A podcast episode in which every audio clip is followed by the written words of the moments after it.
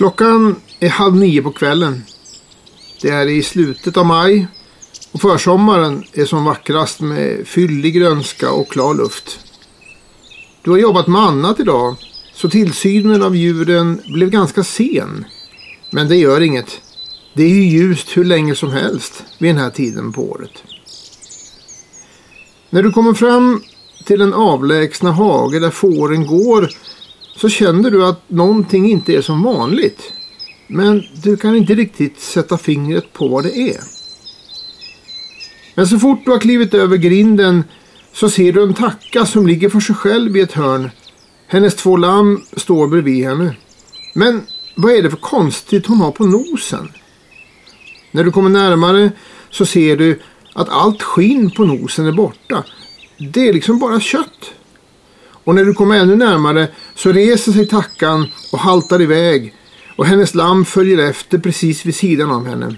Och bakifrån så ser du att en stor del av hennes ena lår saknas. Där är bara ett blodigt hål. Vad i herrans namn är det som har hänt? När du kommer ut på det öppna betet snubblar du nästan på ett dött lamm. Ena frambenet saknas och skinnet under halsen är upprivet. Och när du höjer blicken så ser du en, eh, två, tre, nej fyra vita får som ligger utspridda på betet. Några ligger alldeles stilla, andra sparkar med benen. En bit bort står en grupp med tackor och lamm och tittar på dig, till synes helt lugna. Pulsen och andningen ökar. Hjärtat börjar dunka i bröstet och du halvspringer över betet. Och du upptäcker ständigt nya döda och skadade får och lamm. Och när du kommer fram till det djupa dike som skär rakt igenom betet så ser du en död tacka som flyter i vattnet. Längre bort ligger ytterligare en och en till och en till. Och på andra sidan diket står en tacka som tydligen lyckats ta sig över vattnet. Hon står alldeles still och darrade hela kroppen. Och från hennes mage och lår droppade blod. Nu vet du vad som har hänt. Du har sett bilderna på internet. Du vet hur vargskador på får ser ut. Och du stannar upp och tittar rätt ut i ingenting. Hjärtat slår i bröstet och du tänker Och vad fan gör jag nu? Det är detta som det här avsnittet av Fårpodden ska handla om. Välkomna!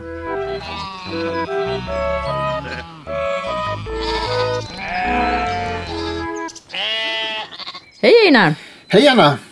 Och eh, hej Titti! Idag är vi ju tre tillsammans som gör den här podden hela tiden och det har sina anledningar. Ja, vi som gör Fårpodden vi är ju själva aktiva fårägare och de flesta ämnen som vi tar upp i podden är ju sånt som vi själva vet en del om och har erfarenhet av. Men det här avsnittet kommer ju kanske att vara ännu mer personligt än det brukar vara. Både Titti och Einar blev det rovdjursangrepp på sina får under sommaren som gick förra året, 2023 alltså. Så den här podden kommer vi att prata om hur det är att drabbas av ett eh, rovdjursangrepp och vad man gör. Mm. Du får börja Einar. Hur var det för dig? Vad hände? Ja, eh, 2023 var ett omtumlande år för oss och vår fårbesättning. Eh, det började ju med redan innan jul 2022 att man började göra observationer av vargar i närheten av oss. Eh, Sedan några år tillbaka så finns det ju ett bekräftat revir i Brängen mellan Ulricehamn och Mullsjö som ligger eh, några mil härifrån. Ehm, så att redan i januari så medverkade jag i lokaltidningen och uttalade en, ja, luftade min oro helt enkelt för hur det skulle komma att bli med vargar i närheten av ett område där det faktiskt finns väldigt många fårbesättningar. Men jag hade kanske inte riktigt räknat med att hamna så direkt i hetluften som jag gjorde för att i slutet av maj så drabbades vi av ett större vargangrepp. Eh, totalt så blev det 26 eh, tackor och lamm som dödades. Och vi fick också 20 lamm som blev moderlösa. Det är någonting som man faktiskt inte hör så ofta i rapporteringen från eh, vargangrepp. Och eftersom vi redan var ute i media, det var flera andra media som hade hakat på också, så fortsatte vi med det. Så att vi tog ut, eh, vi anordnade faktiskt en presskonferens dagen efter. vi fick en väldigt stor täckning i media och berättade om hur det är för en större besättning att, att råka ut för ett vargangrepp. Eh, sen har det gått många turer under sommaren. Vi ansökte om skyddsjakt. Eh, Länsstyrelsen avslog den skyddsjakten för det visade sig att eh, den varghane som utförde angreppet i vår besättning hade tidigare tre stycken dokumenterade angrepp på sig på olika ställen i landet. Eh, och då tyckte ju vi att nu var det ju självklart läge för att begära skyddsjakt på den här hanen. Men det gick inte Länsstyrelsen med på för de har, ja det kallas för tumregler som gjorde att det inte var, alla kriterier var inte uppfyllda.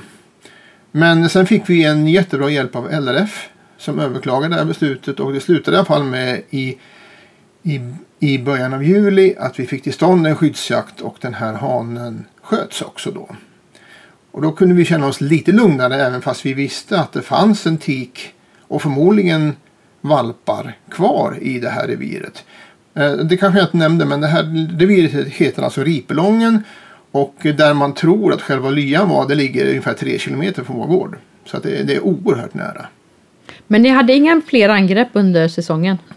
Nej, vi hade inga fler angrepp under säsongen. Men vi var ju självklart konstant oroliga för att vi såg ju vargspår runt om egentligen hela vår gård. Vi och grannarna såg ju vargspår hela sommaren så att det var oroligt. Men vi klarade oss. Men däremot i området från oss och så neråt Herrljunga, Borås, Ulricehamn så skedde det totalt 15 stycken vargangrepp på fårbesättningar med minst tre olika förövande vargar enligt DNA-träffarna. Så det har varit en väldigt, väldigt orolig sommar hela sommaren och hösten. Och det gjorde också att Länsstyrelsen faktiskt fick loss en licens från den nationella samlingen på 36 vargar. Så vi fick en licens till Västra Götaland och den placerade de också på Ripelången vilket vi självklart var väldigt tacksamma för. Eh, så att under den här licensjakten nu som började 2 januari så sköts tiken och tre valpar. Och alla trodde att det var bra så. Vi kände oss betydligt lugnare. Men bara nu precis när vi spelar in den här podden så har de faktiskt hittat en fjärde valp som Länsstyrelsen inte känner till. Så det finns en varg kvar i området. Minst en har... kan man säga. Det kan finnas fler. Ja, min, det finns minst en ur det här reviret och senast igår så blev jag uppringd av en granne som hade sett den i sin hästhage. Aj då. Så att eh, vi kan tyvärr inte vara riktigt så lugna som vi faktiskt kände oss. Men eh, vi får se hur det fortsätter. Eh, de har skjutit sex vargar i licensjakten här så egentligen så får de inte skjuta någon mer utan licensjakten är avblåst. Men eh, vi får se lite grann hur Länsstyrelsen agerar framöver. Mm. Men det är läget just nu i alla fall. Eh, det har varit väldigt medialt eh, hela året eftersom ja, vi har valt att göra det för att vi tycker att någon måste berätta för världen hur det är att bli utsatt för en vargangrepp. Men eh, det har ju också fått ganska mycket konsekvenser med, med hot och sådana saker mot oss. För det här är ju en, en väldigt, väldigt svår debatt just vargdebatten. Men det kommer vi till lite senare. Ja, Titti, ska du berätta om ditt angrepp? Ja, men jag hade ju en helt annan typ av angrepp än, än er då, Ina. Det var i slutet av juli, en lördagkväll, som jag var på väg ut i fåren. Jag har ju mina får på i flera olika hagar, även om jag har en mindre besättning. Uh, och uh, jag såg redan på håll att de betade på ett annat ställe än vad de brukar. Att de var mer samlade och det såg lite annorlunda ut. Och när jag kom fram så såg jag ett lamm som låg dött. Um, mitt bland fåren. Det var lugnt. Eh, de betade och så. Så det var ingen, jag tänkte men vad konstigt. Har, de var ju inte könsmogna än. För jag kan ibland drabbas av att de stångar varandra, bagglammen. Så att de kan stånga ihjäl varandra helt enkelt. Så jag trodde att det kanske kunde vara någon tidig stångskada eller någonting. Men sen när jag började eh, vända på lammet och kolla så såg jag att på insidan av låret så var det en, eh, ett långt rivsår med färskt blod.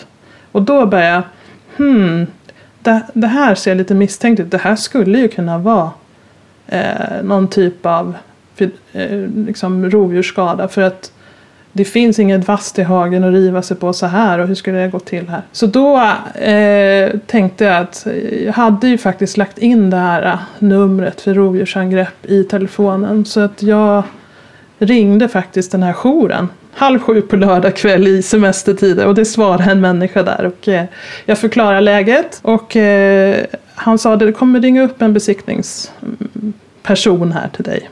Eh, och, och det gjorde det sen efter 20 minuter och han, han gav mig rådet att köra hem djuret. Han skulle komma sen morgonen efter. Eh, så att, eh, det var bara hem och hämta traktorn eh, och eh, köra hem det här lammet som var dött. Och eh, han kom sen på morgonen efter och besiktade det här lammet. Och eh, som sagt, det syntes nästan ingenting utifrån. Eller vad säger man? på utsidan. Men sen när han började flå lammet eh, så såg man ju att det var blödningar på halsen. Eh, så där hade ju någon bitit. Så det blev konstaterat lodjursdödat då, det här lammet. Det var ett typiskt lodjursbett i halsen. Precis, så att... Eh, Men hade inte lodjuret ätit på lammet? Nej, jag tror att vi kanske kom precis ganska nära inpå. Eh, att vi, eftersom blodet var så ljusrött också. Det hade inte ens eh, koagulerat eller någonting. Så det kanske hade hänt ganska nyligen. Men fåren betedde sig ju helt annorlunda än, än för några år sedan hade jag ett hundangrepp. Som ju liknar mer vargangrepp då, vad jag förstår. Och då var de ju helt chockade, eh, hela besättningen. Och det gick liksom inte att röra dem. De betedde sig ju de stod på en klunga och eh, vägrade att röra på sig. Och nu var de ju liksom ändå ganska avspända. Och, så att jag tror att det här lodjuret har liksom bara gått in och gett sig på ett djur. Och de andra har ju knappt fattat vad som händer. Så att, Mm. ja, det, ja, det måste ha gått helt annorlunda till. Men som sagt, man såg tydligt att det var tandmärken under eh, huden. När han, Eh, och jag fick till och med ta fram eh, fårsaxen och hjälpa honom att klippa för att lammet för att- han skulle se liksom, ordentligt i, på huden då, utifrån.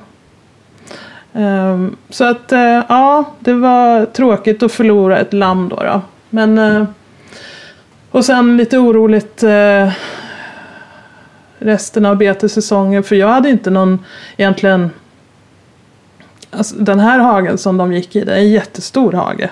Den är flera hektar, det är två kilometers omkrets på den där eh, hagen. Och eh, all annan mark jag betar ligger i anslutning så flyttar de till en som ligger precis diktan. Det kändes liksom värdelöst. Så de fick ju fortsätta gå där. Och han gav mig lite råd, ja men du kan sätta upp sopsäckar med jämna mellanrum längs hela staketet som typ lapptyg då. Eller vad Som man fladdrar kallar det. lite och kanske... Som fladdrar ja, i vinden Mm. och låter lite. Så får man flytta på de där med jämna mellanrum så att eh, de inte vänjer sig vid det där. Så det gjorde jag väl då. Men det var egentligen det rådet du fick för att skydda dig i fortsättningen av säsongen. Ja, precis. Det var det. Så mer kunde jag inte göra. De är kvar i samma hage den där gruppen och jag satte upp sopsäckar dagen efter. Så, så blev det. Och det blev ingen mera angrepp. Ehm, Men vi har, det är ett ganska lodjurstätt län, Uppsala län som jag bor i. Vi har flera lodjursgrupper. Jag har själv sett lodjur här och det är många som ser lodjur med jämna mellanrum trots att det är en väldigt skyggt djur. Ja. Har ni mycket angrepp av lodjur? Jag vet inte, ja men det är en hel del angrepp i Uppsala län men jag vet inte statistiken nu har jag ju inte kollat upp. Vi har ju en del lodjur här också men vad jag vet inga angrepp. Men däremot är det ju väldigt mycket lodjursangrepp i en annan del av Västra Götaland runt Borås, eh, Ulricehamn, Töllsjö har de ju haft väldigt mycket problem. De, de har ju haft skyddsjakt på lodjur där också. Ja. På grund av att det har varit så många angrepp. Ja, nej men det har kommit i omgångar där. Jag vet inte vad det är för lodjur de har i den bygden. Ja, det är tillfälligheter. Det är bara det. Så jag hoppas att det inte är något som lär sig. De blev ju onekligen avbrutna här på något sätt. Ja. Eh, Mm. Ja, alltså det här avsnittet av Fordpodden eh, tänker vi inte prata så mycket politik utan vi, vi fokuserar på det praktiska. Hur upplever en fårägare det som händer? Vad gör man direkt efter ett angrepp? Hur ska man tänka på lite längre sikt? Det ska det här förmodar jag nu ganska långa avsnittet av Fordpodden handla om. Jag har träffat en av Länsstyrelsens besiktningsmän, alltså de som kommer ut till en fårägare som har råkat ut för ett rovdjursangrepp. Eh, han heter Alfred Akersten. Han är nötköttsbonde utanför Mariestad men han jobbar också som eh, viltspårare på vintern och besiktningsman vid rivna tamdjur på sommaren. Och jag fick en pratstund med honom och vi plockade upp tråden precis där det blev hängande i mitt intro förut. Alltså du står där i hagen, du ser de här döda djuren och du tänker vad i herrans namn gör jag nu? Ja, det är en situation som har blivit vanligare och eh, det är ju ett trauma för de som får se det här. Och då finns det ju lite hjälp att få eh, från Länsstyrelsens besiktningsmän.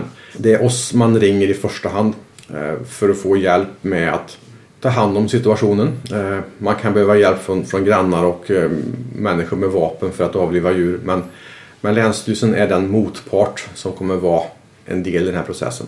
Mm. Men om vi tar det hela från början. Eh, när man står där. Det första akuta man måste göra är väl att se om det finns några djur man behöver avliva gissar jag. Ja, alltså ta hand om skadade djur. Eh, det är prio ett. Eh, mm. Det kan också finnas djur som har rymt och att man försöker få grepp på. De som är döda, de, de kan man liksom låta ligga. Mm. Eh, men det är de skadade som ska tas på hand. Man får göra en bedömning. Ska vi försöka utvärdera på en gång om de ska tas bort eller om vi har en chans att klara dem? Eller ska vi bara säga att okej, okay, skadade djur flyttar vi och så tar vi dem i ett senare skede på stall eller under en lugnare förhållanden än kanske ute i, i busken. Alltså de överlevande djuren, är det prio på att eh, ta hem dem och ta in dem? Ja, i alla fall om man ser att de är skadade. Eh, det är svårt att behandla i, i fält. Mm. Eh, det är också svårt att undersöka i fält. Och erfarenheten visar att, att ser man blod i pälsen på dem så brukar det vara mer allvarliga skador än vad man kan tro. Mm, mm. Ett, ett, kraftigt bett kanske bara gör ett litet hål i skinnet men, men skadorna under kan vara ansenliga. Och eh, man måste verkligen känna igenom noga och det kan ändå vara så att man upptäcker efter ett par tre dagar att det har blivit inflammation och djuret är allvarligt skadat men det, ser inte ut så från början. Nej, just det. Så just ullen gör att man ser inte skadorna fast de är ganska allvarliga? Nej, för det, det är ju liksom ett, ett, ett, krossande bett som inte är, det är inga skärande redskap. Det är ju ofta en, ja, i och för en vass tand men, men kraften bakom det, de andra tänderna, de, de kan alltså mosa muskulatur och ge ja, kraftiga invärtes blödningar. Mm, mm, mm. Så de djuren som går kvar, ta hem dem, undersök dem ordentligt. De djuren som är döda, vad gör man med dem? Ska de ligga kvar eller ska man ta hem dem? Vi vet, I första tillfället så vet man inte vad som har hänt egentligen här. Men, men om vi misstänker att det är ett stort rovdjur som har varit framme. Eh, då vill vi ju behålla så mycket bevis som möjligt för att kunna säga att ja, men det är faktiskt ett stort rovdjur som har gjort det här. Mm. Eh, så vi vill ju att kropparna ska täckas över om de blir lämnade så att inte räv, kråkfågel eller hundar kan gå på och äta eller slita eller förstöra bevis. Mm, mm har man inte möjlighet att täcka över dem ehm, så kan man efter samråd med, med Länsstyrelsens fältpersonal flytta på djuren. Man kan ta hem djuren och lägga dem i en, i en svalare miljö än kanske på en varm försommardag. Mm, de ligger mm, utomhus mm. i solskenet det är lättare att hitta bevis på ett djur som har legat svalt än ett som har legat i solen en dag. Hur, hur snabbt kom besiktningspersonalen ut när man ringer? Vi är ju inte hur många som helst och eh, det beror lite på vilken länsstyrelse man är hos. Men, men i regel kommer de samma dag beroende på hur, hur det ser ut. Det finns ju ett stort spektra i hur, hur ett angrepp ser ut från ett enstaka lamm som har blivit borta till att det har ja, dött 20 stycken och 20 stycken är skadade. Mm. Så det får bedömas från fall till fall. Men målsättningen är givetvis att komma precis så fort som det är möjligt. Mm. Är det någonting som man inte ska göra? Finns det något att tänka på där? Ja, ähm, gå inte runt i hagen med, med hundar om du inte absolut behöver ha hund för att hitta saknade djur. Släpp inte ut en busslast med människor och gå i hagen utan försök låta platsen vara, om man tänker att det är som en brottsplats, att mm. kontaminera inte platsen mer än absolut nödvändigt. Givetvis ska man samla upp skadade djur och göra det man måste men, men inte mer än det. Att om någon eftersöksjägare kommer med en hund som eventuellt kan spåra var vargen har tagit vägen så vill man inte ha för mycket saker i vägen. Nej, den, de hundar som vi använder för att, att bevisa förekomst av rovdjur i en hage de är specialtränade och de, de ringer vi in. Mm. Så vi behöver inte ha hjälp av av någon allmänhetshund i initialskede utan spåra upp skadade får med hundar som är tränade för detta. Det kan vi göra, men, men ingenting annat. Nej. Okej. Vad händer sen när besiktningspersonen kommer ut till gården? Alltså, mitt jobb är ju först att kolla Finns det någonting praktiskt jag kan göra för att hjälpa djurägaren? För det här är ofta det är ju ett trauma, det är en ny grej som har hänt. Ehm, Det kan vara så att jag måste hjälpa till att samla in fåren och få dem på stall eller lasta dem på en transport. Är det bara döda djur, då är det ingen brådska med någonting. Utan då, det bästa är egentligen att ta en kopp kaffe ihop med djurägaren och så prata igenom situationen. Och, och, och de kanske får lugna sig ehm, så att man liksom kan prata om vad ska vi göra efter att vi har pratat. De börjar med ett samtal eh, och sen kan man börja med det praktiska. Och vad gör ni då? Länsstyrelsen har- ett ansvar för de stora rovdjuren. Varg, björn, lo, eh, kungsörn och järv. Och nu är det varg och lo som det oftast är på de södliga breddgraderna. Eh, och då måste vi fastställa att, att det verkligen är en sån angrepp av ett stort rovdjur. Att det inte är en, en hund eller ett olycksfall eller en galen människa som har gjort någonting. Och då, då får vi göra det som vi kallar för en besiktning av djuret. Vi går igenom kroppen som den ligger, titta på den, fotografera den, kolla finns det blödningar, finns det bett. Men det mesta syns ju inte på utsidan av ett får. Utan det, det är ju ull och det är skinn som gömmer skadorna. Så att eh, man, man flår då kroppen för att se om det finns skador som man kan säga men det här är faktiskt typiskt för ett stort rovdjur att vi har skador som ser ut så här på den här delen av kroppen. Och då kan vi med hjälp av det säga att okej, det här är ett stort rovdjur som har gjort angreppet. När du flår ett, ett får kan du med ganska stor säkerhet då avgöra om det är ett lodjur, en varg eller en hund som varit framme. Ja, om de här respektive tre djuren uppvisar sitt vad ska man säga, typiska beteende Ja. så kan jag utifrån ett, ett typiskt hund, lo och vargangrepp säga vilken art det är ganska lätt. ja. Eh, sen finns det ju alltid varianter på det här. Det kan vara svårt att skilja lo och varg ibland i vissa lägen. Det kan vara jättesvårt att skilja hund och varg i vissa lägen. Okej. Men det finns generella grejer som gör att man i de allra flesta fall utifrån besiktningen kan säga jag bedömer att det här är en varg som har gjort angreppet eller jag bedömer att detta är ett lodjur. Men det måste du alltså flå djuret för att kunna komma fram till. Ja, det måste jag göra. För att låt säga att, att vi, har, vi har ett bett i kroppen som är bitet i strupen. Eh, och det är gjort med, med stor kraft. Och det kan vi se utifrån att det är bitet i strupet. Då skulle man kunna säga att det här är ett typiskt lodjur. Eh, och det kan det mycket väl vara. Om jag sen flår kroppen och så hittar jag eh, märken efter klor på bogen på fåret. Då vet jag att lodjuret biter i strupen och så håller det tag, kanske i bågarna med klorna. Ja, just det. Och när jag då ser de här klosticken som kanske är ganska diskreta, de syns inte utifrån och de syns under skinnet distinkt men inte speciellt spektakulärt. Då vet jag att det är ett lodjur. Ja. Och då kan jag säga det med ja, nästan till 100% säkerhet för vi har inga alternativ. Vi har inte några vilda lejon i Sverige utan då är det lodjuret med sina kattklor som har det här beteendet. Ja. På samma sätt kan man ju säga om, om man har ett mindre får eller ett lamm som är bitet rakt över ryggen och ryggraden är knäckt. Så är det kanske bara vargen som har kraften och eh, angreppssättet att göra på det viset. Har man en tacka som är biten högt upp i låret, ett bett för att sänka farten på när sen är kullvält och biten i, i halsen eller i nacken och sen dödad av ett kraftigt bett, ja men då har vi vargens typiska angrepps och mönster för att ha ihjäl ett djur. Och då har vi två exempel på, på tydliga angreppssätt. Får vi sen med en hund i ekvationen så, så kan en hund se ett får som en skojig sak som de leker med eller vill angripa eller vill äta. Och en hund kan ge bett på konstiga ställen. Kanske med ett svagare bett eller ett ännu starkare bett. Det beror på vilken hund som är framme. Men, men det typiska med en hund är att det är otypiskt. ja, det är lite slumpartat Det är kan man säga. slumpartat. En, en hund kan bita i ett ben långt ner där det bara finns ben och eh, lite senor. Och där får man ingen dödande effekt. Det vet vargen och lodjuret att bita i ben det är slöseri med tid. Vi biter där det gör nytta. Ja. Medan hunden kan bita där. En tacka som blir biten i benet kan ju bli sur och, fronta hunden och då kan tackan bli biten i näsan och i huvudregionen. Och då får vi också ett ty- mer typiskt hundbeteende. Eh, Bett rakt på sidan på kroppen, bröstkorgen. Också typiska hundgrejer.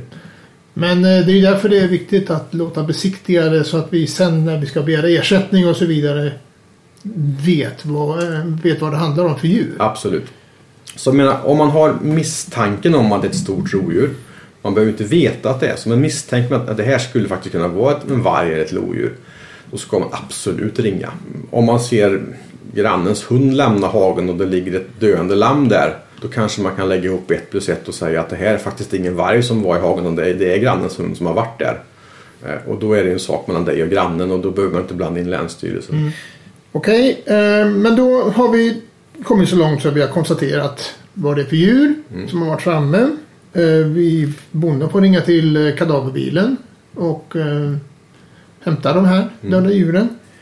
Men frågan är, vad händer sen? Vad, vad, vad ska en, en bonde tänka på efter ett sådant här angrepp? Ja, nu blir ju inte vardagen sig riktigt lik här då för att nu har det hänt någonting som man varit rädd för då länge. Eh, och, och det blir krångligt hur man än vänder på det. För det första, man måste ju samla ihop flocken och se till att minimera följdproblem. Att, att djuren kommer tillbaka, och, eller djuret och, och äter eller har ihjäl fler. Så det första är ju att, att se över vilka akutåtgärder kan jag göra. Och det passar ju mer eller mindre bra för olika gårdar. Har du tusen får på ett ställe så blir det mer komplicerat än om de var fem stycken. Men se till att det är stängt på fyra sidor runt djuren med ett staket som är så vargsäkert som möjligt. Fyra femtrådigt elstängsel, jättebra. Tretrådigt, sämre men fortfarande okej. Ett bra fårnät okej. Ett elnät är okej. Ehm, att ha dem lösa på en halvö med en stenmur i ena kanten, det är mycket sämre. Utan försök stänga om dem så gott det går. Försök få ut någon typ av mänsklig aktivitet i omgivningen. En radio, häng ut några jackor, eh, kör bil. Eh, liksom, se till att, att det området ska kännas osäkert för ett eventuellt rovdjur. Kanske inte har någon effekt men, men det kan också ha en effekt. Så att det är värt att göra det. Kan man stalla in dem, ja då är de ju säkra eh, nattetid. Sen kolla om det finns rester från vildsvinsjakt någonstans i skogen nära. Ta bort allting som kan locka rovdjur till platsen. Om det finns åtlar. Liksom, tänk över hela scenariot i landskapet. Vad är det som har lockat rovdjuren fram hit? Är det bara fåren eller finns det något annat som kan ha lockat dem? Finns det en sån variabel som, som inte bara är fåren? Ja, men den är ju lättare att ta bort då än att flytta fåren. Men det finns ju en tidsaspekt också vet jag att ni brukar prata om att Ja, vi brukar ju ha så jättefina tröstande ord och säga att alltså, inom en, efter två veckor av ett angrepp då, är, då har vi en förhöjd nivå. En ökad risk för nya angrepp. Och efter de två veckorna då är nivån på risk tillbaka som den var innan. Men bor man i utkanten på ett vargrevir eller en lodjursförekomst så kanske risknivån innan angreppet var skyhög men det har bara inte hänt ännu. Så att vet man med sig att man bor i ett område med, med rovdjur så, så kanske man ska göra alltså förebyggande insatser med, med staket eh, framförallt mot varg då. Att man kan göra det så vargsäkert som möjligt innan det händer någonting. Men den Länsstyrelsen har väl också vissa möjligheter till akutåtgärder när det gäller stängsel efter ett angrepp har jag förstått. Ja, alltså vi har ju elnät och elstängselaggregat i viss mån. Så att vi kan hjälpa till att göra en, en akuthage eh, som kan sitta upp i någon eller några veckor som går att flytta. Ja. Ehm, Det kanske varierar lite mellan olika länsstyrelser vad de har för utrustning. Men, men någon form av eh, hjälp bör man kunna få därifrån. Och det här som vi pratar om nu det gäller ju lika mycket grannarnas fårbesättning som min egen gissar jag. Ja, har du haft ett angrepp så, så vet vi att, att det är ju det är ju flera kilometer runt omkring som har samma hotnivå som, Ja, som du ja. har. För att de här djuren rör sig över stora områden och de kanske passerar tio fårbesättningar på en natt om de rör sig och ehm, det kan vara stora avstånd emellan. Mm. Så att i Västra Götaland så finns det ju en beredskapslista som man kan gå in på deras hemsida och, och ehm, då får man information om när det har hänt någonting. Och då, då kan man kanske då göra en snabb insats om man vet med sig att okej, det- just den här hagen är inte så bra som den går i men jag kan flytta den till en bättre hage. Ja, men då kan jag ju göra det vid det tillfället och åtminstone minskat risken lite grann. Ja, den här listan får man alltså anmäla sig till. Och eh, sen får man sms så fort det händer någonting, eller hur? Ja, jag vet inte hur det ser ut i andra län men i Västra Götalands län så finns det en lista och då går den ut som eh, sms och mail. Ja. Eller vad man väljer. Men det är på eget initiativ man signar upp sig på den listan och det Just gör man på Länsstyrelsens hemsida. En sån här händelse skapar ju alltid ganska mycket uppståndelse och publicitet. Eller kan göra i alla fall. Hur ska man hantera medial uppmärksamhet? Eh, vissa vill gärna gå ut och berätta medan jag gissar att andra kanske vill hålla det hela på Mm. lite mer låg profil. Vad, vad är din erfarenhet av att ha varit med i ett antal sådana här tillfällen? Alltså det viktigaste jag vill säga det här det är att om man lägger ut det på ett socialt media som kanske bara är för grannar och lokalboende så brukar sådana saker sprida sig väldigt fort till andra kretsar. Man ska vara beredd på att lägger man ut det på någon form av social media så, kan det bli en stor grej av det och många kan ha, få reda på det och eh, komma ha åsikter om det och även komma och besöka platsen för att titta. Så att Tänk efter innan du lägger ut det på sociala medier. Det kanske är bättre att ringa till grannen och säga jag har haft ett angrepp än att lägga ut det på den lokala Facebookgruppen. Det är väl den, den största grejen med media. Sen ska man veta att, att Länsstyrelsen själva ringer ju aldrig media och tipsar om att nu har det hänt någonting här, nu kan ni komma och titta på när vi jobbar. Utan det snokar de ju reda på själva och då oftast faktiskt från sociala medier eller tips från andra som inte är direkt berörda. Sen ringer en del djurägare också media själva för att de vill belysa problematiken. Men, men då är man ju medveten om vad man gör när man ringer media. Precis. Det kan vara läge att fundera över detta redan innan någonting händer. Nu har vi pratat om vad som händer efter ett angrepp. Men hur bör man tänka innan det händer? Så de flesta fårägare har ju trots allt inte haft besök av stora rovdjur. Hur, hur ska man förbereda sig?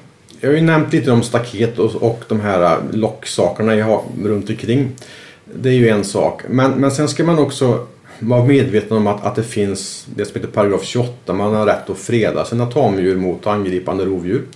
Man kan så skrämma dem och funkar inte det så, så kan man faktiskt avliva dem. Så man ska läsa på paragraf 28 och veta vad som gäller. Vad har jag rätt att göra och vad får jag inte göra? Man ska också läsa på vem kan hjälpa mig med det här om jag själv inte har vapen? Vem kan jag uppdra åt detta och hur ska den jobba? Så informationsbiten är viktig innan. Sen är det jättebra att ta reda på vem är min lokala besiktningsman? Eh, Skaffa namn och telefonnummer på den personen genom att prata med Länsstyrelsen. Och, för då vet du att då har jag det i telefonen, jag kan ringa på en gång, jag behöver inte leta. Jag kanske är, när det händer så kommer jag vara stressad och då är det svårare att få fram informationen. Och sen, men bor du i ett vargtätt område eller där det finns lodjur, ha en plan B för hur ska jag göra om jag måste flytta en flock? Vem har djurtransport? Vart kan jag släppa dem? Eh, Har jag, eh, finns det något tomt stall någonstans? Att man har tänkt igenom liksom värsta scenariet. För, för då blir det snabbare och enklare. Är man några grannar, men prata ihop er då. Gör en gemensam strategi. Händer hos mig så vet jag att Karlsson och Svensson kommer och hjälper mig. Eh, Och då slipper jag vara ensam med det här. Då kanske Svensson kan prata med media. Och den andra kan ta hand om döda djur och och jag kan bara försöka hålla ihop situationen. Jag kan bara eh, säga tips vad vi gjorde här. Vi skapade en sms-grupp med ett antal pålitliga grannar precis som du sa. Så att man kan skicka iväg ett enda meddelande och sen får alla reda på vad som har hänt. Men ingen utanför den gruppen. Så det, det kändes ganska tryggt. Men det skulle vi som sagt ha gjort innan. Men det gjorde vi efteråt eftersom vi lärde oss. Men nu kanske vi når massa människor här som, som då får chansen att tänka till innan och, och göra mer rätt än vad som blir när det blir akut. Bra. Jag tror att vi nöjer oss så. Jag tackar så mycket för att du ställde upp. Tack själv! Det är väldigt viktigt, inte minst för alla djurägare runt omkring, att alla rovdjursangrepp dokumenteras. Om dödsorsaken visar sig vara något annat så kommer dina grannar bara vara tacksamma för att du tog dig tid att kontrollera och ta ut besiktningsman. Jag var ju väldigt osäker på om det var ett rovdjurstaget djur. Det syntes inte alls mycket. Det var en reva på insidan av låret eh, på lammet. Så att, eh, det var jättebra att ringa så att de får komma och kolla. När man får ett angrepp på sina tamdjur av några av de stora statens vilt som man kallar det för så kan man också begära ersättning från staten. Den här, de här ersättningsnivåerna har de senaste åren höjts ganska ordentligt. Eh, inte minst på grund av att Fåravsförbundet har jobbat mycket med de här frågorna och lyckats få igenom att vi faktiskt ska få betalt för alla kostnader som, som vi får när vi har, får ett rovdjursangrepp. Ehm, och det är faktiskt mer än vad man kanske tror från början som man kan få ersättning för. Vi går igenom lite grann eh, vad det är man kan få ersättning för när man får ett rovdjursangrepp. För det första är det då självklart värdet av de dödade djuren. Och vi kan säga att här finns det då schabloner till att börja med. Eh, hur mycket en tacka är värd, hur mycket ett äldre lamm är värt, hur mycket ett ungt lamm är värt. Men sen finns det då olika tillägg om det här är värdefulla avelsdjur, om man är med i Medivistna-kontrollen, om man är med i fotröttenkontrollen. Alltså det här är ju, då har man ju investerat pengar i sina får och det gör ju också att värdet av dem ökar. Eh, även om det är ett inköpt livdjur, en bagge, avelsbagge exempelvis som dör så kan man ju mot uppvisaren av kvitto hävda att den är värd betydligt mer än vad ett vanligt får är exempelvis. Eh, och sen har man då de djuren som, som blir skadade. Eh, där kan man då få ersättning för veterinärvård, medicin och även det arbete runt omkring som det kräver att behandla de här djuren. Men även om man räknar med en, en sänkt produktion, ett, ett skadat får som kanske inte kan betäckas eller vad det nu handlar om. Och sen finns det en till sak som jag nämnde förut som man inte tänker på så ofta. Det är att om angreppet sker tidigt på säsongen så får man ju kanske ett antal lamm som plötsligt står utan mamma. I vårt fall så skedde det här angreppet när lammen var fyra veckor gamla. Och ett fyra veckors lamm klarar sig knappt utan sin mamma. I vårt fall så lyckades vi få dem att överleva. Men de här lammen eh, kommer ju att växa mycket sämre än vad de hade gjort om de hade gått med sin mamma. Och den produktionsförlusten kan man söka ersättning för. Och sen har vi då arbetstiden runt hela det här. Det här tar ju väldigt mycket tid. Först i det akuta skedet när man ska söka av omgivningen, eh, leta reda på skadade djur, kanske ute i skogen och så vidare. Är det, handlar det om nötkreatur så kan det ta dagar att få tillbaka dem om de är utskrämda i skogen exempelvis. Eh, kostnader för hemtransport för att alla rovdjursangrepp sker ju inte direkt bakom ladugården. Och sen så är djurägaren med vid besiktningen, vid veterinärbesök och så vidare. Och sen så kommer det ju att eh, kosta mer arbete att ta hand om de här djuren som de överlevande djuren som kanske är uppskärrade som behöver flyttas till nya beten och så vidare. Så kom ihåg att ta betalt för all tid som det här kostar. För det här är statens vilt som anfaller dina djur och då ska också staten betala vad det kostar. Glöm inte grannars arbetstid, alltså folk som hjälper dig. De eh, ska ju självklart också ha ersättning. Be dem skicka faktura till dig, ta med den här fakturan i ansökan och sen ge dem pengarna som, när pengarna väl kommer sen. Så de ska också ha ersättning för sitt arbete. Och sen kommer det alltid en kostnad för kadaverhämtningen. Eh, förr så fick man inte betalt för det men numera så kan vi få ersättning för den kostnaden också. Och sen finns det då andra kostnader som man kanske inte tänker på i förstone. För våran del exempelvis så var ju vi tvungna att evakuera de här betarna Eh, där angreppet skedde och ta hem dem.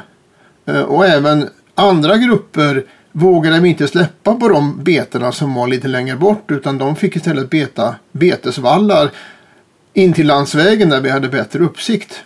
Så fåren åt alltså upp det foder som vi hade tänkt att bärga som vinterfoder. Så då kan du också söka ersättning för eh, att du behöver köpa in ensilage exempel. Det gjorde vi. Och de här, eh, vad ska man säga, ersättningsnivåer och sådär. Det finns ju rekommendationer från Viltskadecenter. Det finns ett dokument och som vi kommer länka till det här poddavsnittet. Där man kan hitta de här eh, rekommendationerna för ersättning då.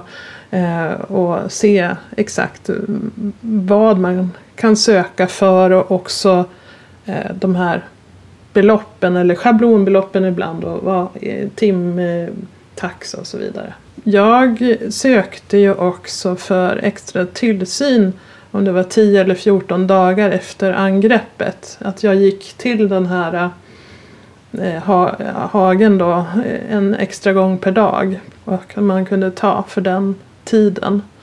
Um, och um, jag använder mig ju inte av det här med schablonersättningen eh, för djuren. Utan jag eh, gick ju under det som står under rubriken särskilt värdefulla djur. Och då kunde man dels då om de har högre avelsvärden eh, eller om det är så att man har djur som ingår i en förädlingsverksamhet som kan betinga ett högre värde. Nu vet man ju inte, i mitt fall var det ett lamm, man vet ju inte om det kommer bli ett avelsdjur eller ett slaktdjur i, det skedet. Men då, får man ju, då gick jag på det där jag trodde att det hade blivit högst värde helt enkelt. Och så skrev jag en, en motivering till varför jag yrkade den ersättning jag gjorde. En viltskadecenter säger ju också att eh, efter ett rovdjursangrepp så är ju risken högre de närmaste 14 dagarna efter att få ett rovdjursangrepp till. Och därför är det ju självklart motiverat med en utökad tillsyn de första veckorna efter ett rovdjursangrepp. Och det kan man också söka ersättning för. Mm. Så jag skrev en liten uh Alltså jag är ju van att jobba i projekt och statlig sektor och så. Så att jag använder den här projektdagboken som man har när man redovisar tid till Länsstyrelsen eller Jordbruksverk. Men man kan ju ha en Excel-fil eller eh, anteckningar i mobilen eh, som man kommer ihåg och, och notera allting man lägger ner. Även tid om man måste åka och köpa något. Eh, milersättning. Eh, allting. Um, om man är två som jobbar. Eh, om... Skriv upp allting. Det, det, är en mm. stressig mm. situation och eh, det är svårt att komma ihåg efteråt precis allt man har gjort. Men, mm. men du ska få ersättning för allt, alla extra kostnader som det här innebär. Och så får man ju komma ihåg att söka senast tre månader efter angreppet. Annars så kanske man inte får några medel alls. Mm. Eh, men när man väl söker, så jag, efter tre dagar så fick jag ett beslut.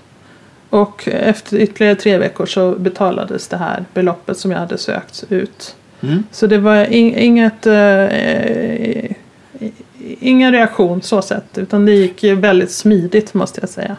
Nej, och det är ju faktiskt eh, en, en eh, erfarenhet som jag har hört som många berättar. att Skickar du in den här ersättningsansökan och du har gjort by the book så är det aldrig några problem. Länsstyrelsen ifrågasätter sällan och pengarna kommer ganska snabbt. Och det är en, en fördel i allt elände.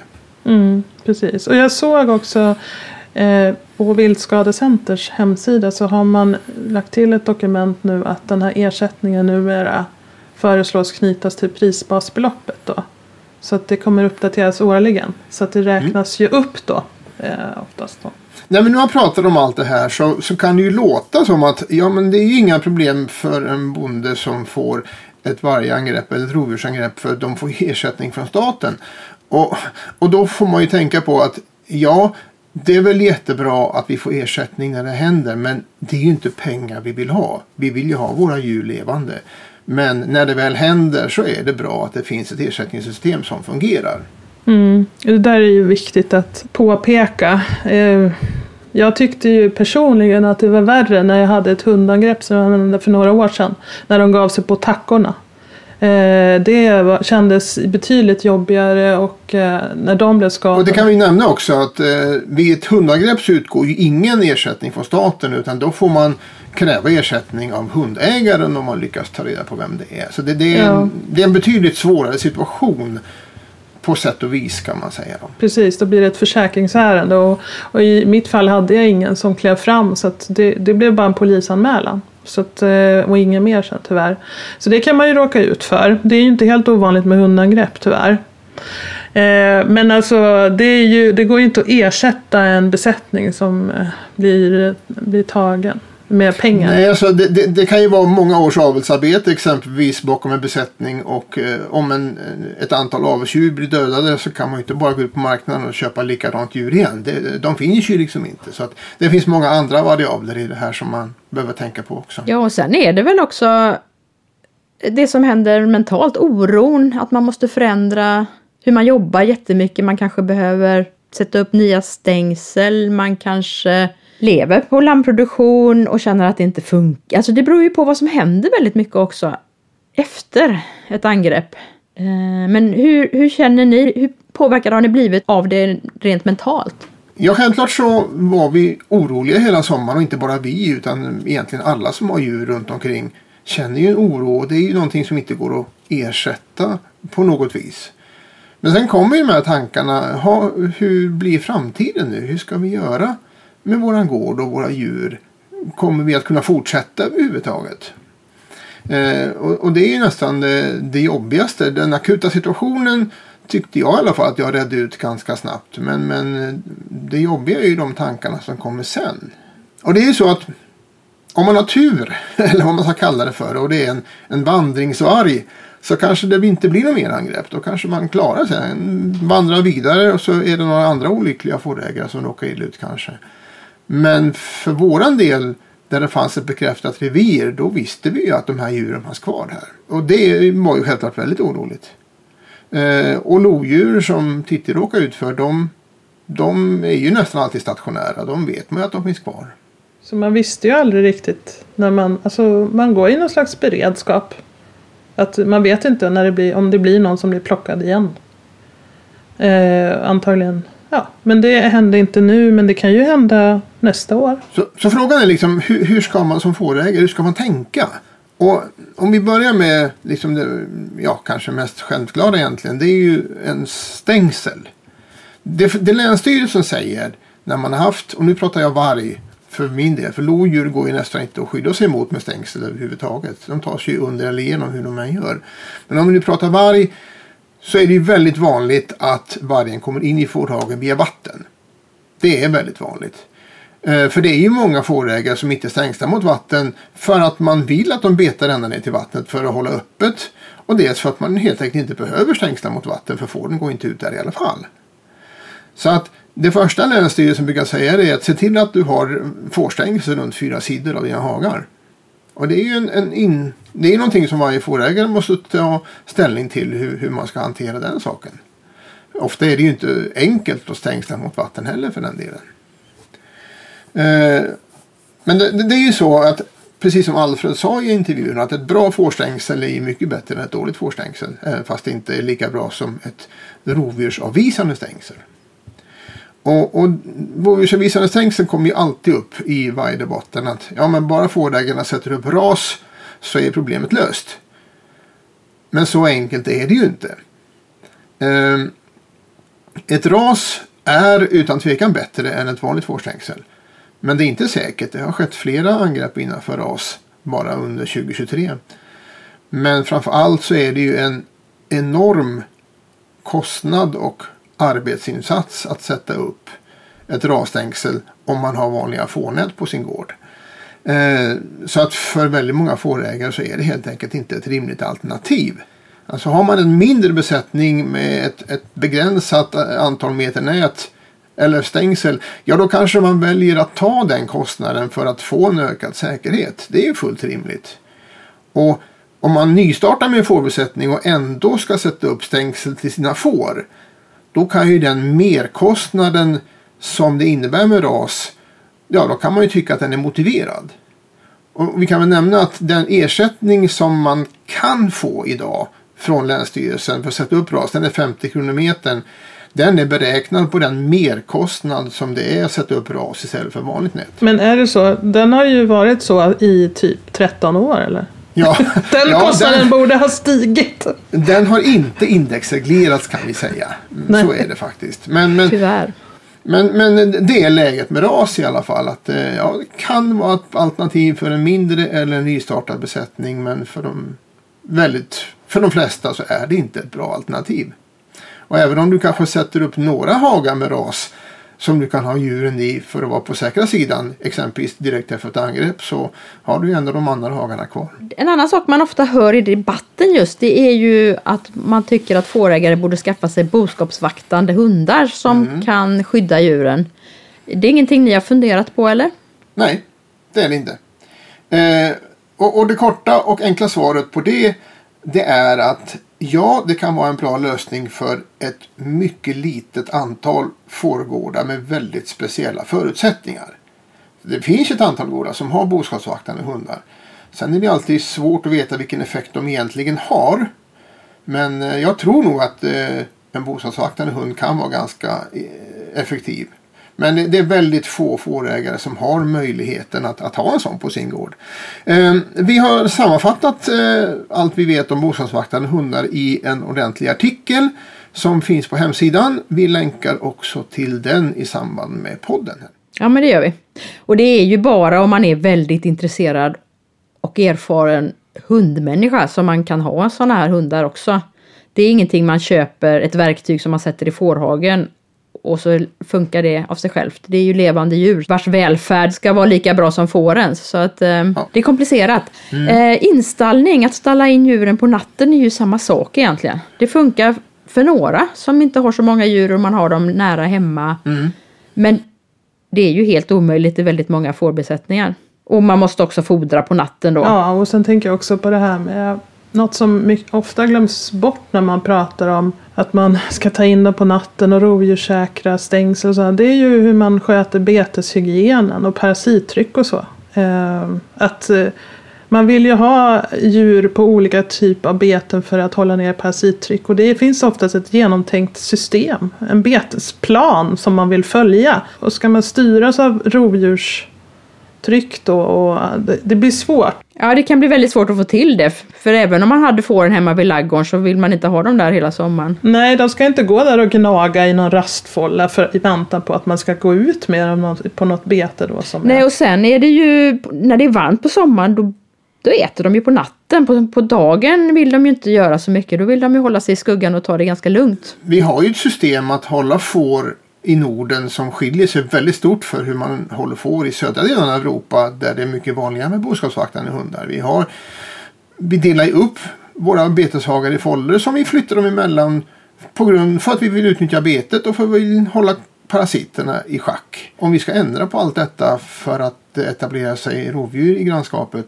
ja det, det, det är inte så enkelt. Ja, det ställer till det mer än vad man kan som utomstående förstå tror jag. Ja, precis. Och sen finns det ett dilemma till här och det är att många får betar på andras marker. Alltså det är många som, som har marker som de vill hålla öppet med sina djur. Men de har inga djur själv och då, då ber de någon annan att beta där för att fåren gör en så stor nytta. Och det är ofta inte hemma vid utan det är längre bort. Och eh, då kommer man ju direkt i frågeställningen, jaha, ska vi sätta upp ras? Vem ska betala det i så fall? Och så vidare. Så att de här värdefulla betestjänsterna som våra får levererar är också svårt att kombinera med, med rovdjur. Risken blir ju att man eh, i det här att man slutar beta betesmarker som ligger långt bort ifrån gården. Eh, och att man håller dem närmre. Eh, på betesmarker som ligger närmare där man har lättare att ha tillsyn Mm. oftare. Och jag, man vittnar, jag tycker att man hör många som säger att de slutar med får på grund av att de har ett högt rovdjurstryck. Det är jobbigt att leva med den här oron. Eh, och också sådana personer som säger att skulle jag få ett angrepp då slutar jag. Det ser vi ju när det görs enkäter också att det får många att kasta in handduken så är det ju tyvärr. Och vi, vi är ju själva ett exempel på detta. Vi kommer att sluta beta de här markerna där angreppet skeddes. För det var längst bort från gården och det ligger ganska ödsligt. Det rör sig inte en massa människor så i det området. Så vi har dragit ner vår fårbesättning från 300 till 250.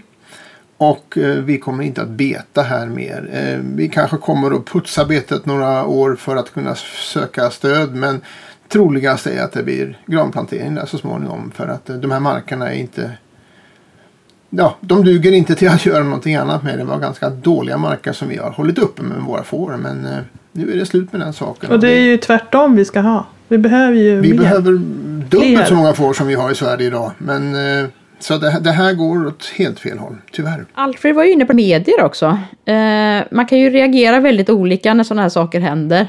En del sluter sig inom sig själva och vill inte prata om det. Andra blir jätteupprörda och vill prata om det och vill informera och vill eh, ha diskussion. Här är det ändå viktigt att man tänker efter innan och att man inte, att man inte handlar i affekt. Man löser de akuta problemen och sen funderar man på hur man ska göra. Man kanske till och med ska tänka igenom det här i förväg så att man har en strategi. Vad, vad ska jag göra om det drabbar mig? Hur, hur öppen vill jag vara? Ja, det är bra att tänka över det innan. Du Einar, du och Marie drog er ju inte för att gå ut och prata om det. Hade ni bestämt det i förväg att ni skulle göra så eller? Vi hade ju inte egentligen förväntat oss ett angrepp. Men eftersom vi redan hade gått ut i media innan angreppet skedde så var det ju ganska naturligt för oss att fortsätta på den linjen. Men samtidigt så, vi var ju medvetna om att sticker man ut hakan i en sån här svår fråga då kommer det också att bli reaktioner av olika slag. Eh, och det blev ju också inte minst på Facebook där ju en stor del av de här diskussionerna förs så blev det ju väldigt hårda tongångar och hårda ord. Man får nog vara beredd på att om, om man går ut i media och berättar att man har blivit utsatt för ett, ett vargangrepp då kommer många människor där ute som inte har riktig insikt i hur det fungerar att lägga all skuld på dig själv. Det är ditt fel som fårägare att vargen har dödat dina får för du har inte skyddat dina får.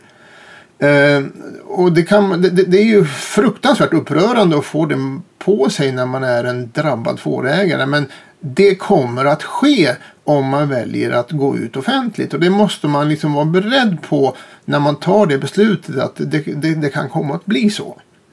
Så att eh, man, det är jättebra råd att tänka efter faktiskt innan. Hur man kanske kan bete sig när, om man råkar hamna i den situationen. Något som rimligen händer är ju att exempelvis lokaltidningen ringer. För här är ju en, en ganska stor händelse lokalt. Och det, det är bra att ha en, en, strategi hur man vill hantera det. Vill man gå ut och berätta i tidningen eller vill man inte? Och säger du att du inte vill medverka eh, så eh, en, en, en seriös journalist kanske skriver att det har varit ett varangrepp men inte vem och var. Kan man i alla fall hoppas på. Men eh, det är jättebra att tänka efter innan hur man kan tänka sig att vilja hantera det här. Hur gjorde du Titti?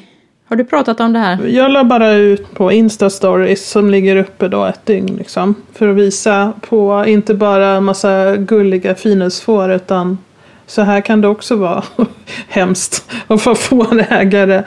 Då, då var det kanske lite i affekt ändå. För att man blir så här. Ah, att man ska behöva stå ut med det här. Eh, men alltså det, jag fick bara sympati från andra fårägare. Det var ju liksom inget som nådde ut så. Det var ingen journalist som dök upp på gårdsplan?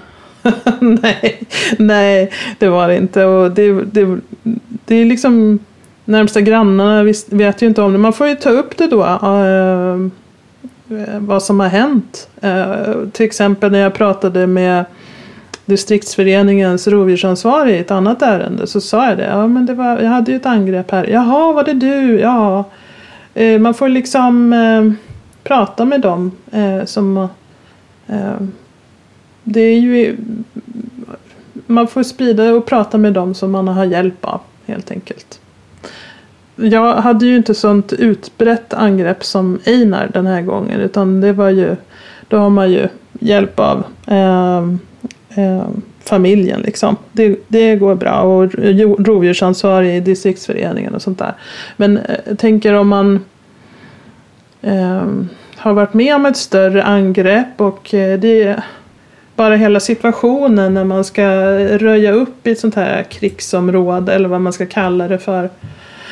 Um, det kan ju ta på en. Uh, det är en jobbig situation som, och en jobbig bild att bära med sig. Och då kan man ju behöva lite extra stöd efter för att bearbeta det där. Eh, beroende på vad man känner. Och det, det, finns ju till exempel LRFs omsorgsgrupp finns ju. Om man är med i LRF. Så kan man ju kontakta dem. Att prata om det säger väl alla som har varit med om sånt här. Att det är viktigt att man pratar med familjen, med vänner, kollegor. Man behöver ju inte gå ut i media men man kan prata om det med människor som finns omkring en. Och det finns ju, distrikten har ju som du sa rovdjursansvariga som man kan kontakta. SF har rovdjursansvariga man kan kontakta och prata med. Mår man verkligen dåligt så finns det annan hjälp man kan få. Och LRFs omsorgsgrupper är jättebra. Precis. Ja, många av de här viktiga frågorna är ju sånt som vi inte kan påverka som enskilda djurägare utan vi måste ju jobba som kollektiv. Vi ska lyssna på en intervju med Gudrun Haglund Eriksson själv för hon är ju både ordförande i SF och Eh, rovdjursansvarig. Hon kommer här. Hej Gudrun! Hej! Du har ju suttit med i SFs styrelse i ganska många år nu. Om jag minns rätt så kom du in 2012, stämmer det?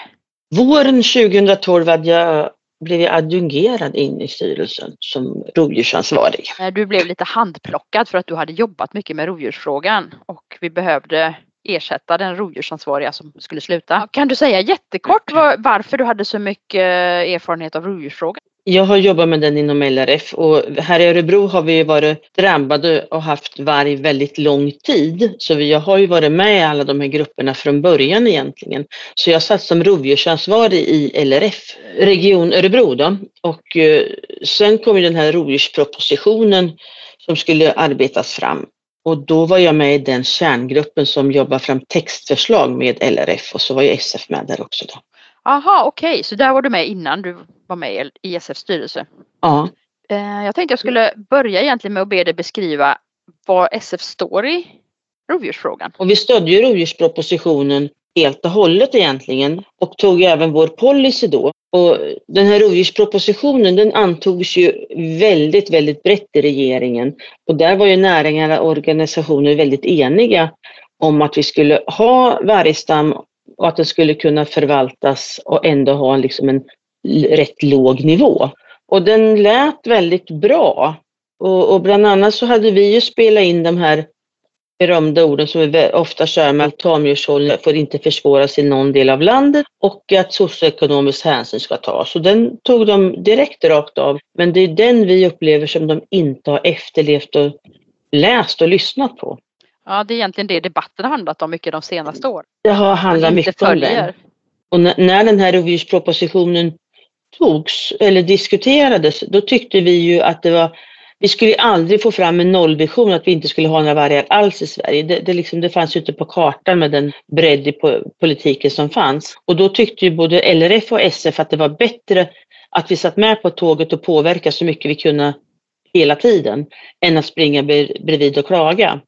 Så LRF och SF har ju varit väldigt var med och påverkat där hela tiden och tyckt och tänkt om varenda ordalydelse i de här propositionen.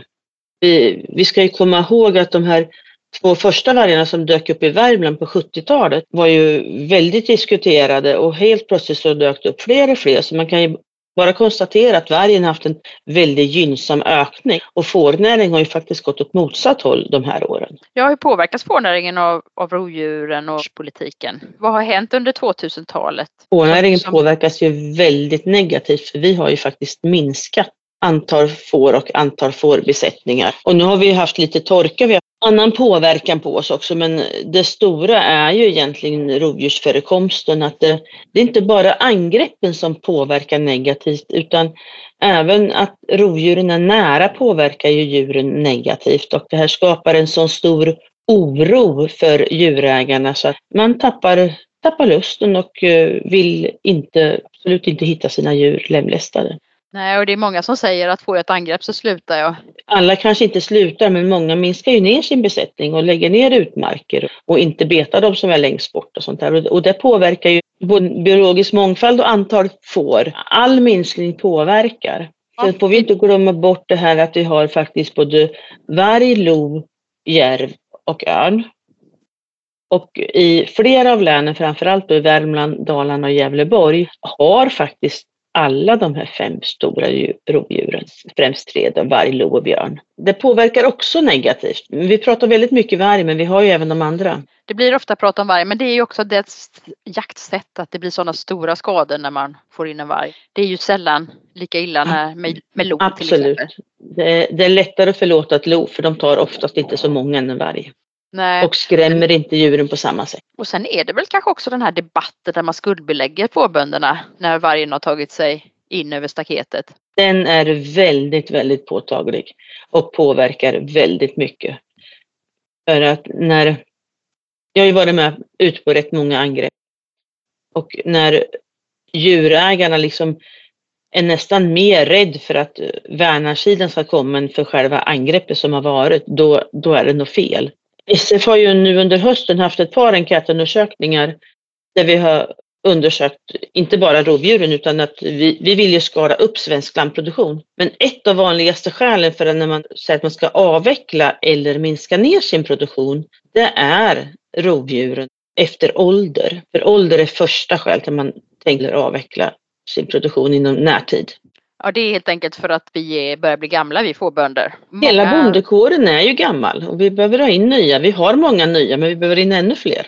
Och det här skapar ju också en brist på framtidstro när det är så osäkert, när man inte man vet inte liksom vad som ska hända om några år med rovdjuren. Att törs jag starta på det här eller kommer jag bli utsatt för angrepp och vad kommer det att kosta? Kan jag sätta upp ras på hela gården? Eller, det, det, är så mycket frågetecken och det skapar en, det mothämmar investeringsviljan och framtidstron för både de som är igång och nystartande fårbönder skulle jag vilja påstå. Kan du beskriva hur SF jobbar med rovdjursfrågan?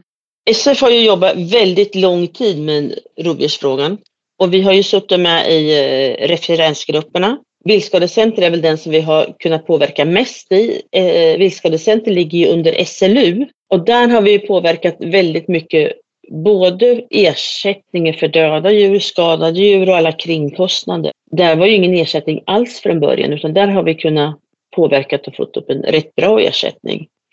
Sen ska vi inte säga att vi är direkt nöjda för det här, den, det kostar pengar och det påverkar oss väldigt ekonomiskt när vi får ett angrepp. Och så har vi den här rasstängslen och där ligger det kvar 50 kronor meter och det har det gjort sedan 2013. Och där strider vi ju just nu med att vi vill ha upp den. Men eh, än så länge har vi inte lyckats utan nu har ju Viltskadecenter backat på kravet på ras istället. Inte så strikt eh, regel hur grova stolpar det ska vara, hur hörnen ska se ut och sånt utan bara tråden är sträckt det förenklar ju och förbilligar stängslet men att det blir inte samma hållbara stängsel som vi har haft med ras med det krav vi har haft. Ja. Det är ett sätt att om man inte har kunnat höjt nivån så har de minskat kraven istället. Ja men okej. Okay. Och, och sen, vi ska komma ihåg att vi får ersättning för döda skadade djur och sånt där men sen kan man ju även få ersättning för extra värdefulla livdjur man kan, kan få ersättning för alla kringkostnader, men man kan också få ersättning för andra mervärden som man kan sälja, skinn, glass eller eh, köttlåda. Har man den driften i företaget, då har man ju en inkomst. Så kan man dra ut en resultatrapport och visa att jag har haft det här och sen kan man ta upp dem också när man begär ersättning för rovdjursskada. Och sen har vi ju en väldigt stor milstolpe var ju när vi fick till paragraf 28 den var ju vi med och tryckte på väldigt hårt att vi ville ha. Och den är ju väldigt svår att tillämpa men den är väldigt bra att kunna tillämpa. Att vi får göra det när det väl sker en, ett angrepp. Att vi... Även om det är svårt så är det en möjlighet man har att sitta och vakta helt enkelt. Ja, och gör man den helt lagligt, helt rätt, då händer ingenting mer. Man anmäler till Länsstyrelsen och det blir ingen polis eller något sånt där. Sen om inte Länsstyrelsen kan se att det här är en tydlig paragraf 28, då är de skyldiga att anmäla till polisen. Det var som vi har sagt förut att eh, läs på om paragraf 28, så man måste veta vad. Ja, man måste vad. veta vad som är. Ja. Det man ska komma ihåg där att även har man inte jaktlicens själv så gäller muntligt avtal med grannar, jaktlag som har licens på att de får skjuta. Ja, det är många fårbönder som inte har jaktlicens. Det är många fårbönder som inte har licens själva. Eh, pengarna som används för ersättningar och även för att sätta upp ras och sånt, var kommer de ifrån? Från och med 2023 så kommer all ersättning från viltskadanslaget och det är alltså svenska pengar. Förut var ju landsbygdsprogrammet inblandat i vissa delar av det här. Och, och det är ju på ett vis säkrare pengar för nu, nu vet vi lite mer vad vi har. Men vi har inte fått riktigt, riktigt klara regler exakt så att de är öronmärkta för de här pengarna. Men att de finns och de har inte tagit slut förut. Så jag bedömer som det här är säkra pengar. Jag fastnade för en liten notis som var med i förra veckans Land. Jag vet inte om du såg den? Ja, Land Lantbruk då. Eh, där de mindes den här manifestationen som SF höll ihop med fårbönder från hela landet utanför, var det näringsdepartementet i Stockholm 2018? Och vi var väl på ett litet torg och så gick vi till regeringen, till riksdagen sen efter det. Det var efter en vår när det hade varit flera stora angrepp där inte ja. djurägarna fick alls något stöd från sina myndigheter och ja, protesterna gällde ju att ro, rovdjurspropositionen inte efterlevdes. Och nu är det sex år sedan snart. Tycker mm. du att det har hänt något sedan dess? Ja, det har det hänt. Även om vi tycker att det här tar väldigt små steg hela tiden så är det ju faktiskt så att politikerna lyssnar på oss nu. Vi har inte, fått, vi har inte haft det här gehöret förut att de har lyssnat på våra problem. Nu är det egentligen nästan alla partier som tycker att det är, här är ett problem och vill göra någonting åt det. Och det ska vi komma ihåg att vi är ju uppbundna mot EU och EUs regler. Men att det har ju varit väldigt mycket möten med politiker och väldigt mycket med andra beslutsfattare där vi, man nästan har känt att de har inte ens förstått problemet. Och i dagens läge när vi har en så låg produktion av svensk mat som vi har i landet, speciellt lammkött, den är nere på 28 procent nu, självförsörjningsgrad, så är det ju väldigt viktigt, tycker även de, att vi ökar livsmedelsproduktionen i Sverige. Och då ser de att det här är ju ett av problemen. Så att, eh, att vi har flyttat fram positionerna hela tiden, även om vi tycker att det går för långsamt. Men att sakta men säkert har vi påverkat i rätt riktning. Och då ska vi komma ihåg att vi har jobbat med det här i 20 år. Det krävs uthållighet. Det krävs uthållighet och, och som sagt att eh, vi önskar att vi, vi hade gått fortare fram och att vi hade fått liksom mer gehör. Det är ju helt, helt klart att vi önskar det. Vilka förändringar tycker SF är viktigast att få till stånd egentligen? Det vi ser som ska påverka näringen direkt det är ju alltså en riktigt bra skyddsjakt. Som är både värd namnet, den ska vara enkelt att besluta och enkelt att göra. Och, och då vill vi ha snabbare beslut än vad det är idag. Och nu ser vi att vi har ju en, ett förslag ligger som ska presenteras under våren som regeringen har ju faktiskt gett eh, två uppdrag till att se över. En för skyddsjakt och en för antal vargar.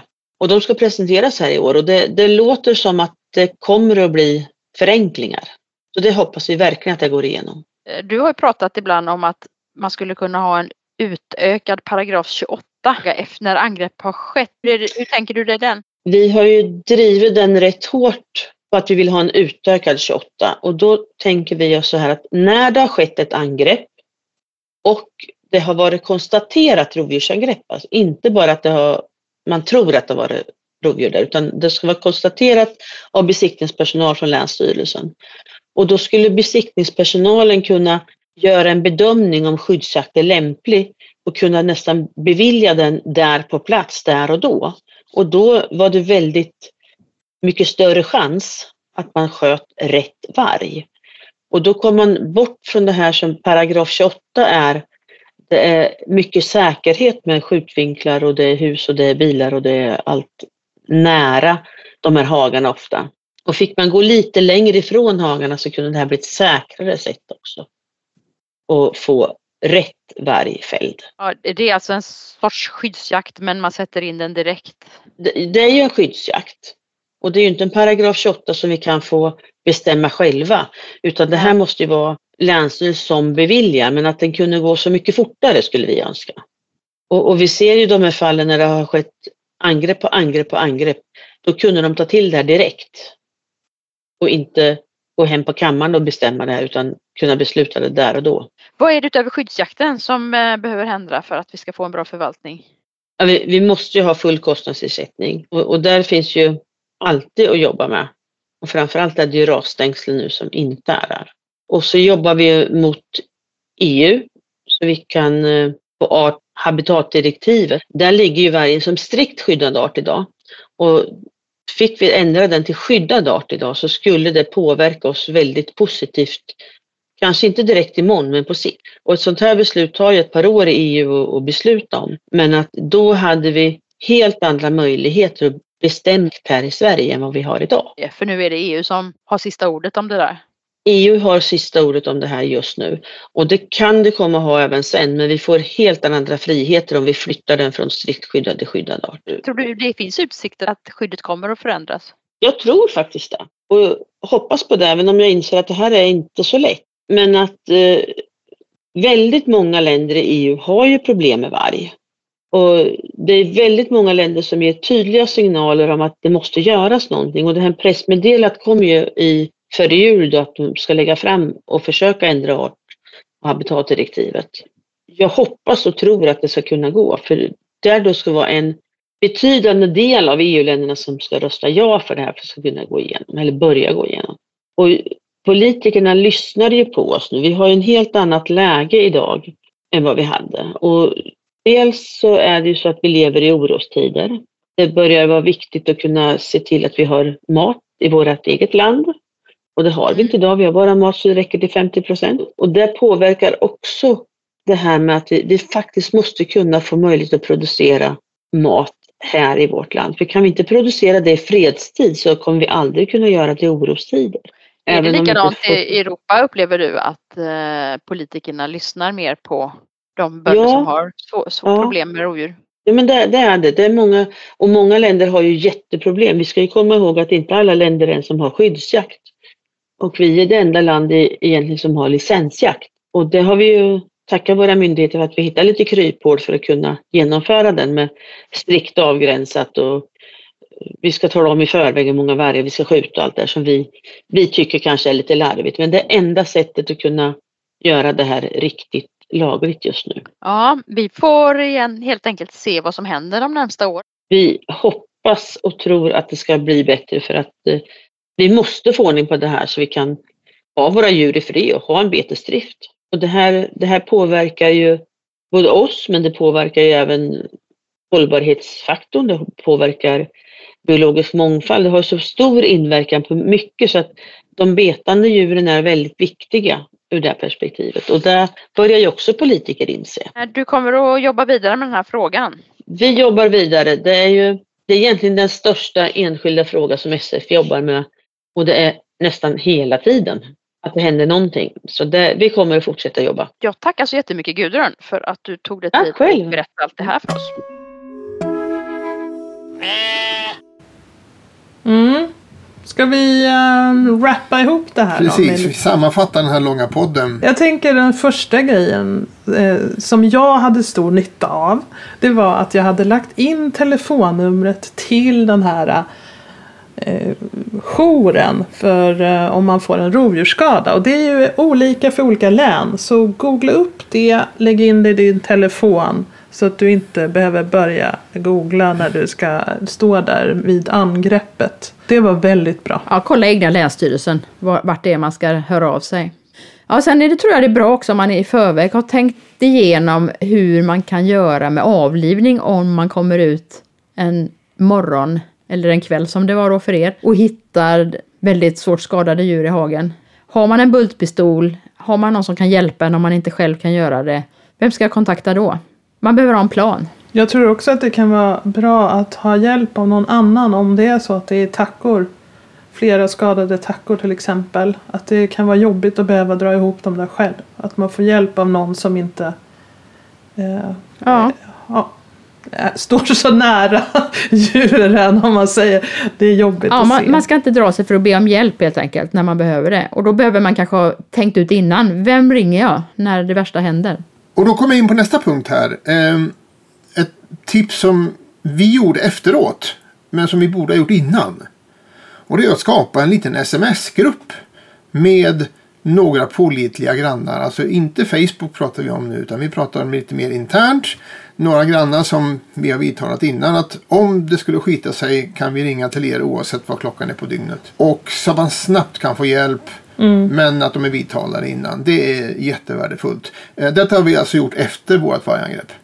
En annan grej, um, det är en sån här praktisk grej att man behöver förbereda sig om man kommer ut och har tillsyn på kvällen så det hinner bli mörkt men man måste ändå få ihop kanske skadade djur. Att man har lampor Eh, pannlampor, eh, ficklampor och så. Så att man eh, hittar, kan leta efter djuren. Mm. Och, och, vi kan väl säga att det är ju en erfarenhet som vi har dragit som kanske man inte har tänkt på tidigare och som alla grannar här har fått ta till sig att om möjligt se till era djur på morgonen.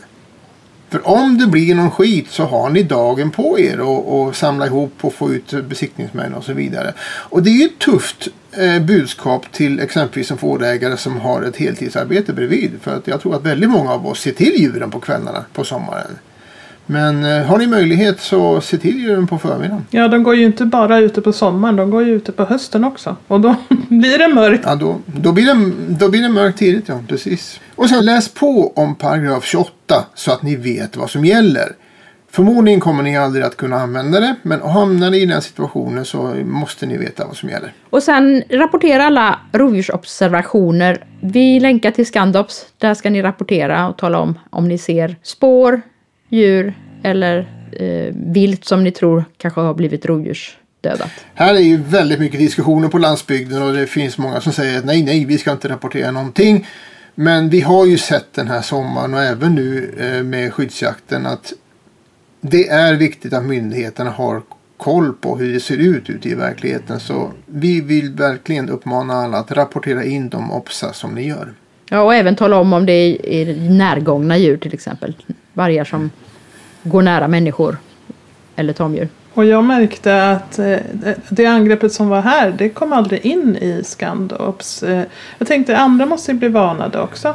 Så jag la in det eh, dagen efter. Eh, och sen kom det ut på sms då till den här, för man kan ju anmäla sig på sms till Länsstyrelsen för att få ut en sån här ja, vad man nu kallar det för, rov, rovdjursalert ja. i länet. Liksom. Eh, och, och då kom det ut kvällen efter att det hade varit ett, ett lodjursdödat lamm i, i, där jag bor. Det är olika olika länsstyrelser vad man har för tjänster runt det här. Jag, tror, jag är inte säker på att alla har eh, beredskapslistor och sånt. Men väldigt många länsstyrelser har det som man kan anmäla sig till. Hos oss är det att man får ett mejl och ett sms när det har varit ett angrepp. Så då vet ja, man ju... och det, det är jättebra. Så anmäl er till de här listorna så ni får de här varningarna när det händer något i er närhet. Det är ett jättebra tips.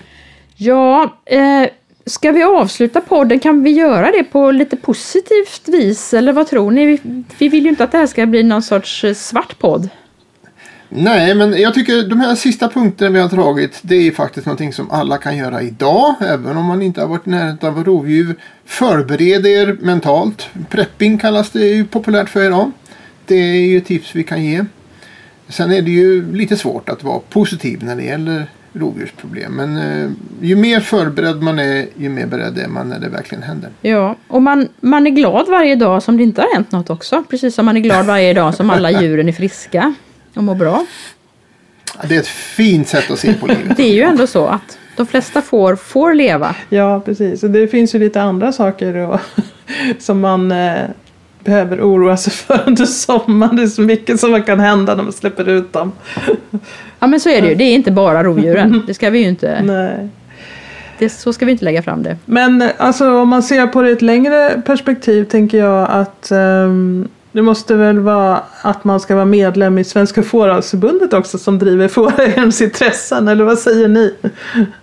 Absolut. Vi kan inte göra så mycket själva på lokal nivå utan det här är samarbete och samverkan som gäller. Och det är, det är Fåravelsförbundet som driver de här frågorna för de svenska fårägarna uppåt. Så att eh, ju fler medlemmar vi blir, ju starkare blir vi i vårt lobbyarbete. Mm. Ja, det är jätteviktigt att tänka på. Mm, och just att man representerar fårägarnas eh, förutsättningar och eh, behov. Liksom.